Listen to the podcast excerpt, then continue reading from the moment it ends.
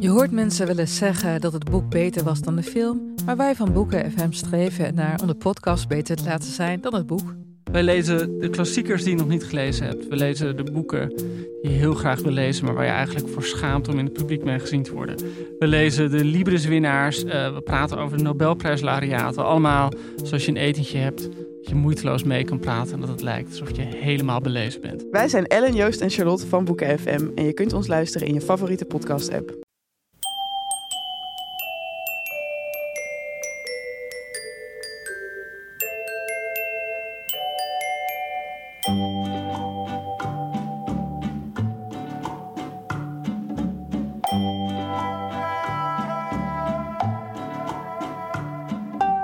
Welkom bij aflevering 65 van de Echt Gebeurd podcast. Waar gebeurde verhalen worden verteld door de mensen die het zelf hebben meegemaakt. In deze podcast het verhaal van Elisa Capelle. Het thema van de Echt Gebeurd middag was heimwee.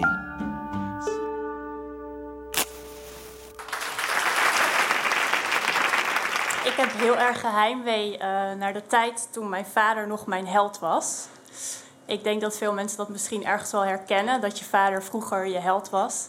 En mijn vader was dat in extreme mate. Ik had het idee dat mijn vader alles wist, um, dat hij alles kon en hij deed sowieso ook alles voor me. Maar zoals elke vader is ook mijn vader op een gegeven moment van zijn voetstuk afgevallen. En ik ga nu vertellen hoe dat is gebeurd. Um, het was 1999 en ik had uh, eindexamen gedaan. En aan het einde van dat jaar ging ik vier maanden naar Denemarken toe, naar een Heuskeulen. Dat is een school, uh, er zijn verschillende van dat soort scholen in Denemarken. Maar dit was een school waar we met ongeveer 100 mensen op zaten, van 80 verschillende nationaliteiten. En um, het was gebruikelijk dat je op die school um, op een tweepersoonskamer sliep. En ik ging naar die school toe. Ik vond het best wel eng. Ik was 18 jaar en ik was nog nooit eigenlijk zo lang van huis geweest. En ik kwam daar aan en ik liep met al mijn spullen en ik ging in één keer naar die kamer toe. Het was dus een tweepersoonskamer. En ik kwam daar aan en toen zag ik mijn uh, kamergenoot al zitten. En dat was Vivian. Vivian zat al op het bed. Uh, zij was een Keniaans meisje. Heel uh, donker meisje met hele lange vlechtjes, zwarte vlechtjes tot net over haar billen. Um, ze had best wel grote borsten en heel mooi gezichtje. Ik werd eigenlijk meteen heel erg verlegen van haar. Ik wist niet meer zo goed wat ik moest zeggen. Ik zette mijn spullen maar een beetje weg. En um, ik dacht, oh jee, ik zit vier maanden met haar op een kamer. Straks durf ik vier maanden niks te zeggen. Maar die avond kwam het gelukkig al goed. Dat was dus de eerste avond dat we samen op die kamer sliepen. En uh, zij stond voor de spiegel. Ze had alleen een hemdje aan en een onderbroek. En ze pakte al die vlechtjes vast en die bond ze samen in een enorme knoedel bovenop haar hoofd. En toen pakte ze een pantykous, vleeskleurige pantykous, en die trok ze er overheen. En ik vond dat er zo gek uitzien. Zo'n heel mooi Afrikaans meisje met een pantykous op haar hoofd. Dat ik heel hard moest lachen. En zij moest toen ook heel hard lachen. Zij vond het zelf eigenlijk helemaal niet gek, want zij sliep elke nacht zo. Maar ze begreep wel dat ik het heel gek vond. Dus ja, toen moesten we allebei heel hard lachen. En daarna waren we hele goede vriendinnen geworden. Um, op die school hadden we elk weekend vrij. En als we vrij waren, dan um, gingen we naar Kopenhagen toe, want dat was vlakbij. En het was heel erg leuk om met Vivian door Kopenhagen te lopen.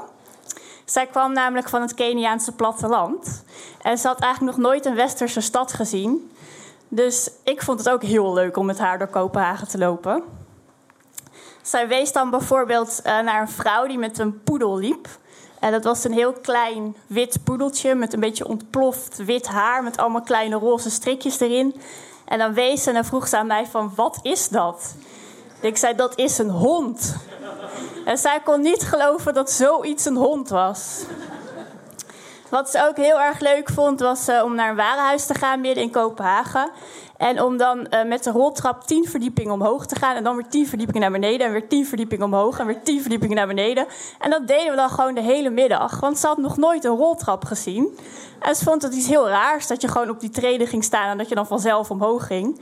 Nou, dat was gewoon een soort attractie. Ik ben, uh, ik ben zelf niet lesbisch. Maar Vivian was wel um, de enige vrouw of het enige meisje ooit dat ik tegen ben gekomen waar ik me ontzettend toe voelde aangetrokken. Het was niet echt seksueel, maar het was wel een soort van enorme genegenheid. Um, op die school was het sowieso normaal dat we de hele tijd aan elkaar zaten. Ik weet niet zo goed wat dat was, maar zodra, zodra ik daar zat, was dat opeens normaal. Dat als je achter iemand in de rij stond en je ging iets eten, dat je dan aan zijn haar zat. En Vivian en ik gingen ook zo met elkaar om. Dus we zaten eigenlijk heel vaak met z'n tweeën dan bij elkaar op schoot. En dan pakte zij bijvoorbeeld mijn arm vast. En die ging ze dan van heel dichtbij bekijken. En dan riep ze heel hard van... You're not white, you're pink. You're not white, you're pink. En ik deed dan het omgekeerde bij haar. Dan ging ik haar ook van heel dichtbij bekijken. Ging ik haar gezicht heel zachtjes aaien. Was heel lekker zacht. En dan zei ik... You're not black, you're brown. Nou goed. Nou, um... Na die uh, vier maanden moesten we helaas afscheid van elkaar nemen. Ik vond dat heel erg. Sowieso vond ik het heel erg dat ik weer naar huis moest. Maar ik vond ook heel erg dat ik haar nooit meer zou zien. En ik vond het ook helemaal niet eerlijk. Want zij ging weer terug naar Kenia en ze had daar een baan waarbij ze zes dagen in de week, twaalf uur op een dag moest werken. En ze verdiende maar twee gulden in de week. Dat was daar ook echt belachelijk. En ik ging terug naar Nederland. Ik was 18. Ik mocht lekker gaan studeren. Ik mocht kiezen wat ik wilde. Ik ging op kamers wonen. Voor mij ging er gewoon een groot feest beginnen. En zij ging eigenlijk terug naar de hel. Dus ik vond dat echt niet eerlijk. Um, eenmaal thuis heb ik heel erg gehuild. Het leek echt een soort van liefdesverdriet. Echt dagen achter elkaar eh, wilde ik niks meer. Ik heb alleen maar gehuild. Um, mijn ouders die waren gescheiden. En ik ben op een gegeven moment ook even naar mijn vader toe gegaan. Want dat was dus mijn held. Dus ik moest even naar mijn vader toe om te kijken of hij me er weer bovenop kon helpen. Uh, mijn vader die luisterde naar mij en die zei toen op een gegeven moment... weet je wat we kunnen doen? Laten we deze zomer naar Kenia gaan. Jij bent nu 18, mijn zusjes die zijn tweeling, die waren allebei 16. Ik stel voor dat wij uh, met z'n allen op vakantie gaan, dat we naar Kenia gaan. Dan kan jij haar weer zien. Nou, dat vond ik natuurlijk geweldig. Want wie's vader stelt nou zoiets voor? Nou ja, mijn vader dus. Dus um, ik, ik vond het heel erg fijn. Ik ging meteen met Vivian mailen. Nou, ik kom naar je toe. Die zomer ging ik samen met mijn zussen en met mijn vader naar Kenia toe. We gingen met een groepsreis met allemaal andere Nederlanders. Um, we gingen eerst drie weken zeg maar, door Kenia trekken. En dan deden we allerlei toeristische dingen. Ik zag Vivian toen nog niet, wat ik heel raar vond. Want ik dacht, nu ben ik in haar land. Maar ik zie haar helemaal niet. En we gingen tijgers bekijken en leeuwen. En zij had eigenlijk aan mij verteld dat zij nog nooit een tijger of een leeuw had gezien. Want een kaartje voor zo'n wildpark, daar moest zij een jaar voor werken als ze dat wilde betalen. En ik was daar net een week en ik zag meteen zes tijgers en leeuwen. Daarna gingen we naar Zanzibar toe en mijn vader had geregeld dat Vivian daarheen kon vliegen. Dus we waren daar een paar uur en toen uh, zijn we Vivian van het vliegveld gaan halen. Ik zag haar al uit de verte. Um, ze zag er opeens heel anders uit. Ze had haar haar kort geknipt, ze had hele kleine korte vlechtjes. En zat er allemaal hele kleine witte kraaltjes in. Maar ik vond dat ze er schattig uitzag. Dus ik ben naar haar toe gerend en ik heb haar omhelst. En ik was heel blij dat ik haar weer zag. Uh, de andere Nederlanders uit de groep die vonden het ook heel leuk dat ik een inlands persoon kende. Dus iedereen na drie weken zeg maar alleen maar met elkaar gepraat te hebben, dook boven op Vivian en wilde alles van haar weten over Kenia. Dus iedereen ging met haar praten en Vivian ging daar gelukkig heel goed mee om. Uh, na die week gingen mijn vader en mijn zussen gingen weer naar huis. En ik ben toen met Vivian teruggevlogen naar Kenia. En wij hebben daar nog een week lang rondgetrokken. En dat was eigenlijk de meest geweldige week van mijn leven. Want daarvoor was ik al drie weken in Kenia geweest, maar nu was ik opeens echt in Kenia. Ik kwam op plaatsen waar volgens mij nog nooit een blanke was geweest. Een heel dorp ging achter mij aan rennen en roepen dat ik wit was. Ze renden met rauw vlees achter me aan met vliegen erop en zeiden dat ik het op moest eten. En eigenlijk was het best wel bedreigend, maar ik vond het toch helemaal niet eng, want ik was met Vivian. We zijn ook nog naar haar moeder gegaan. Die bleek echt in een soort van sloppenwijk te wonen. Daar schrok ik wel heel erg van. En we hebben een paar nachten uh, bij die moeder in een slop geslapen. Um, het was een heel klein donker hutje. Er stond maar één bed in dat hutje. En dat was van die moeder. En omdat ik de gast was, mocht ik in dat bed liggen. samen met Vivian. Er waren ook nog zeven broers, die sliepen allemaal op de grond. En de moeder die haar bed had afgestaan, die ging op de eettafel slapen. Dat vond ik best wel knap. Um, na die week moesten we helaas weer afscheid van elkaar nemen. Ik heb weer heel erg gehuild. Toen ben ik weer naar Nederland gevlogen en eigenlijk was ik toen terug bij af. Ik was eigenlijk weer net zo verdrietig als toen ik uit Denemarken terugkwam. Maar nu dacht ik van ja, nu duurt het vast weer jaren voordat we elkaar zien. Want wanneer ga ik daar nou weer naartoe en zij kan hier niet naartoe komen. Ik ben toen weer naar mijn vader gegaan, mijn held. En um, ik zei tegen hem dat ik weer zo verdrietig was. En mijn vader die zei toen tegen mij: Ja, um, ik heb eigenlijk ook best veel met Vivian daar gepraat op Zanzibar. En het viel me op dat het zo'n ontzettend intelligent meisje is. En ze is zo slim. En ik vind het eigenlijk doodzonde dat ze daar in Kenia zit. En dat ze, ja, dat ze daar werkt voor een hongerloontje. Nou, ik ben nu 57 jaar. Ik heb eigenlijk nog nooit in mijn leven echt iets goeds gedaan voor de wereld. Ik heb nog nooit ontwikkelingswerk gedaan. Ik doe eigenlijk nooit iets als vrijwilliger. Ik stel voor dat we haar hier naartoe gaan halen. Ik stel voor dat ik dat allemaal betaal. We gaan proberen om een visum voor haar te regelen en een opleiding. En dan komt ze hier wonen, in ieder geval voor vier jaar. Dan heeft ze een opleiding. Nou, ik kon gewoon niet geloven wat mijn vader zei. Ik vond het echt ongelooflijk dat hij dat voorstelde. Maar ik vond het natuurlijk ook hartstikke leuk. Dus een half jaar lang zijn mijn vader en ik bezig geweest om een visum te regelen en een school. Die school, dat, bleek op de een of andere manier vrij makkelijk geregeld te zijn. Um, we hadden een communicatieopleiding in Amsterdam uitgekozen, wat helemaal in het Engels werd gegeven. En Vivian moest een paar keer met die opleiding bellen. En zij is eigenlijk met vlag en wimpel voor het sollicitatiegesprek geslaagd. Dus zij kon naar die school toe. En toen was het visum ook heel makkelijk geregeld. Ze konden studentenvisum krijgen. Dus binnen een half jaar waren we helemaal klaar. En toen kon ze naar Nederland komen.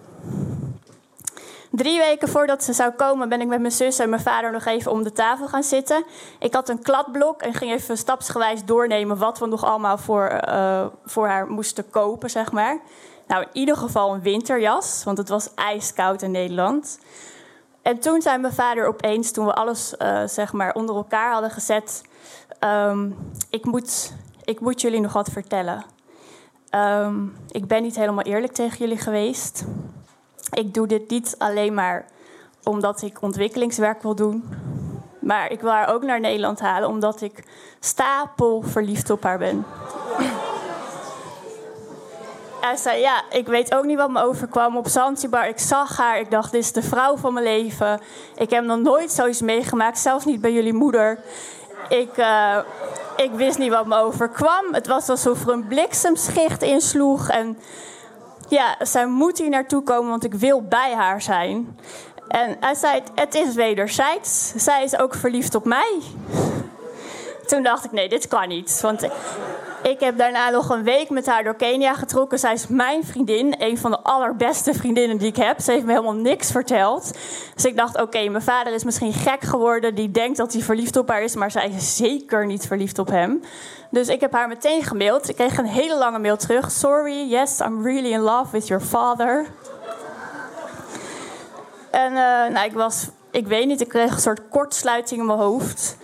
Um, ik heb het echt op een krijzen gezet. Ik wist niet dat ik zo hard kon schreeuwen. En ik heb echt gezegd van ja, sorry, maar als, als, als je dit echt gaat doen tegen mijn vader, als je haar echt hier naartoe haalt, dan hoef ik jou echt nooit meer te zien. En ik hoef haar ook nooit meer te zien. En ik vind het belachelijk. En de hele familie op een gegeven moment wist het, want mijn vader heeft het toen opeens aan iedereen verteld. Iedereen vond natuurlijk hetzelfde. Iedereen zag dat vanaf een afstandje. Zei: Je bent 57 jaar, dat meisje is 23. Jullie hebben elkaar een week lang gezien op Zanzibar en nu ben je stapelverliefd en wil je haar hierheen halen. Dat is een beetje raar. En opeens zag mijn vader ook in dat het toch niet zo'n heel erg goed idee was. Hij zag opeens in dat hij inderdaad een man was die in een soort midlife crisis zat en die dit deed. Dus toen um, is het gecanceld. Een week voordat ze zou komen is alles afgezegd. Visum is ingetrokken. Opleiding is afgebeld. Um, ze is niet gekomen.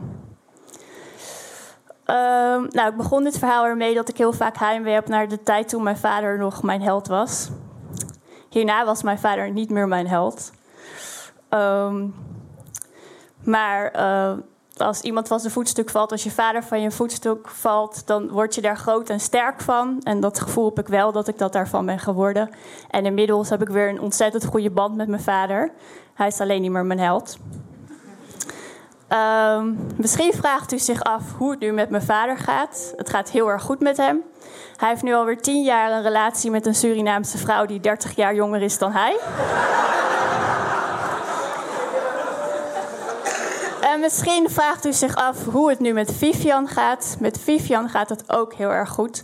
Een half jaar nadat dit allemaal werd afgeblazen, heeft zij een Groningse boer leren kennen op een internetsite.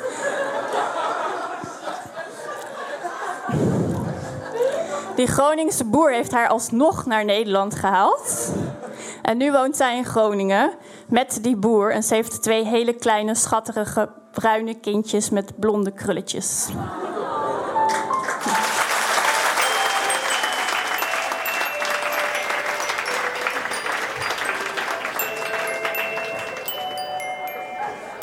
Dat was Elisa Capella met een van de meest aangrijpende verhalen die ik het afgelopen jaar bij Echt Gebeurd hoorde. Echt Gebeurd wordt iedere derde zondagmiddag van de maand opgenomen in Toemler onder het Hilton Hotel in Amsterdam. En als u er een keertje bij wil zijn, en dat zeg ik niet voor de beleefdheid, maar omdat we het echt leuk vinden om u, de luisteraar, er een keertje bij te hebben, ga dan naar www.echtgebeurd.net. Daar kunt u zich ook opgeven voor onze nieuwsbrief. Maar we zijn natuurlijk vooral op zoek naar mensen zoals Elisa, die een mooi verhaal willen en durven vertellen. Dus als je zo iemand kent, laat het ons dan even weten, dan gaan wij er verder wel achteraan. De redactie van Echt Gebeurd bestaat uit Eva Maria Staal, Paulien Cornelissen, Rosa van Dijk, Eva Zwaving en mijzelf, Micha Wertheim. De techniek is een ander van Vrijman en Vrijland en Echt Gebeurd komt tot stand met ondersteuning van Comedy Train. Dit was de 65e podcast van Echt Gebeurd. 16 maart is er weer een live Echt Gebeurd met als thema de natuur. Bedankt voor het luisteren en tot de volgende podcast. En voor alle dochters zou ik willen zeggen: vaders zijn ook maar mensen. En tegen alle dochters zou ik willen zeggen: jullie dochter is ook een mens.